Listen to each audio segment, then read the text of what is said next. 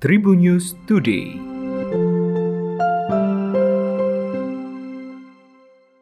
Halo Tribuners, berjumpa kembali bersama Hakim di Tribun News Today dan Hakim akan berbagi informasi menarik hari ini mulai dari informasi nasional, internasional, selebritis dan juga informasi tentang olahraga. Informasi pertama, polisi mengungkap alasan Brigpol Nopriansah Joshua Huta Barat alias Brigadir J ditembak mati oleh Barada E di kediaman Kepala Divisi Humas Polri Irjen Verdi Sambo di Duren 3, Jakarta Selatan pada Jumat 8 Juli 2022. Karo Penmas Divisi Humas Polri Brigjen Ahmad Ramadan menyatakan Brigadir Joshua ditembak mati karena diduga melakukan pelecehan seksual dan menodongkan pistol kepada istri Kadif Propam Irjen Verdi Sambo. Ramadan menuturkan bahwa fakta itu diketahui berdasarkan hasil olah TKP kejadian perkara atau TKP dan memeriksa sejumlah saksi. Dua saksi yang diperiksa di antaranya adalah istri dari Kadif Propam dan juga Baradae. Ia menuturkan istri Kadif Propam disebut berteriak akibat pelecehan yang diduga dilakukan oleh Brigadir J. Teriakan permintaan tolong tersebut pun didengar oleh Barada E yang berada di lantai atas rumah. Menurutnya kehadiran Barada E dan Brigadir J menjadi panik. Saat ditanya insiden tersebut, Brigadir J malah melepas tembakan kepada Barada E yang berdiri di depan kamar. Kepala Divisi Propam Polri Ijen Verdi Sambo disebut tidak berada di kediamannya saat insiden penembakan Brigpol Nopriansah Joshua Huta Barat alias Brigadir J kepada Baradae.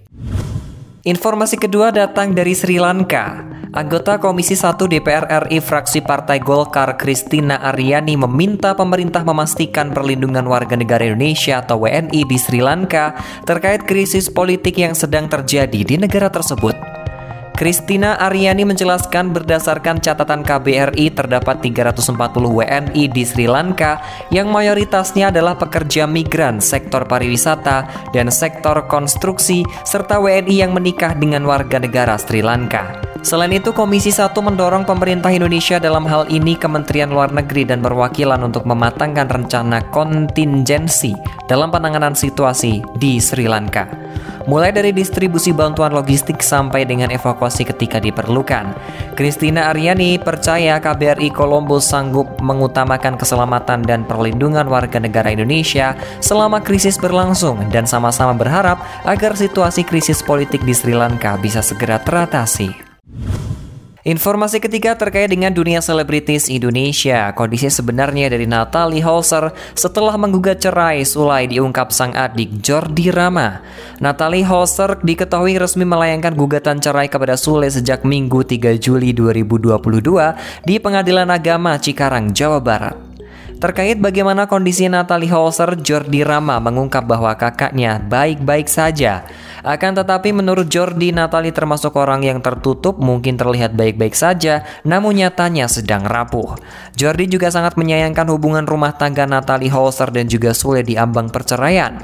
Bahkan ia memikirkan keadaan anak Natalie dan juga Sule yakni Azam ke depannya. Informasi terakhir datang dari dunia olahraga.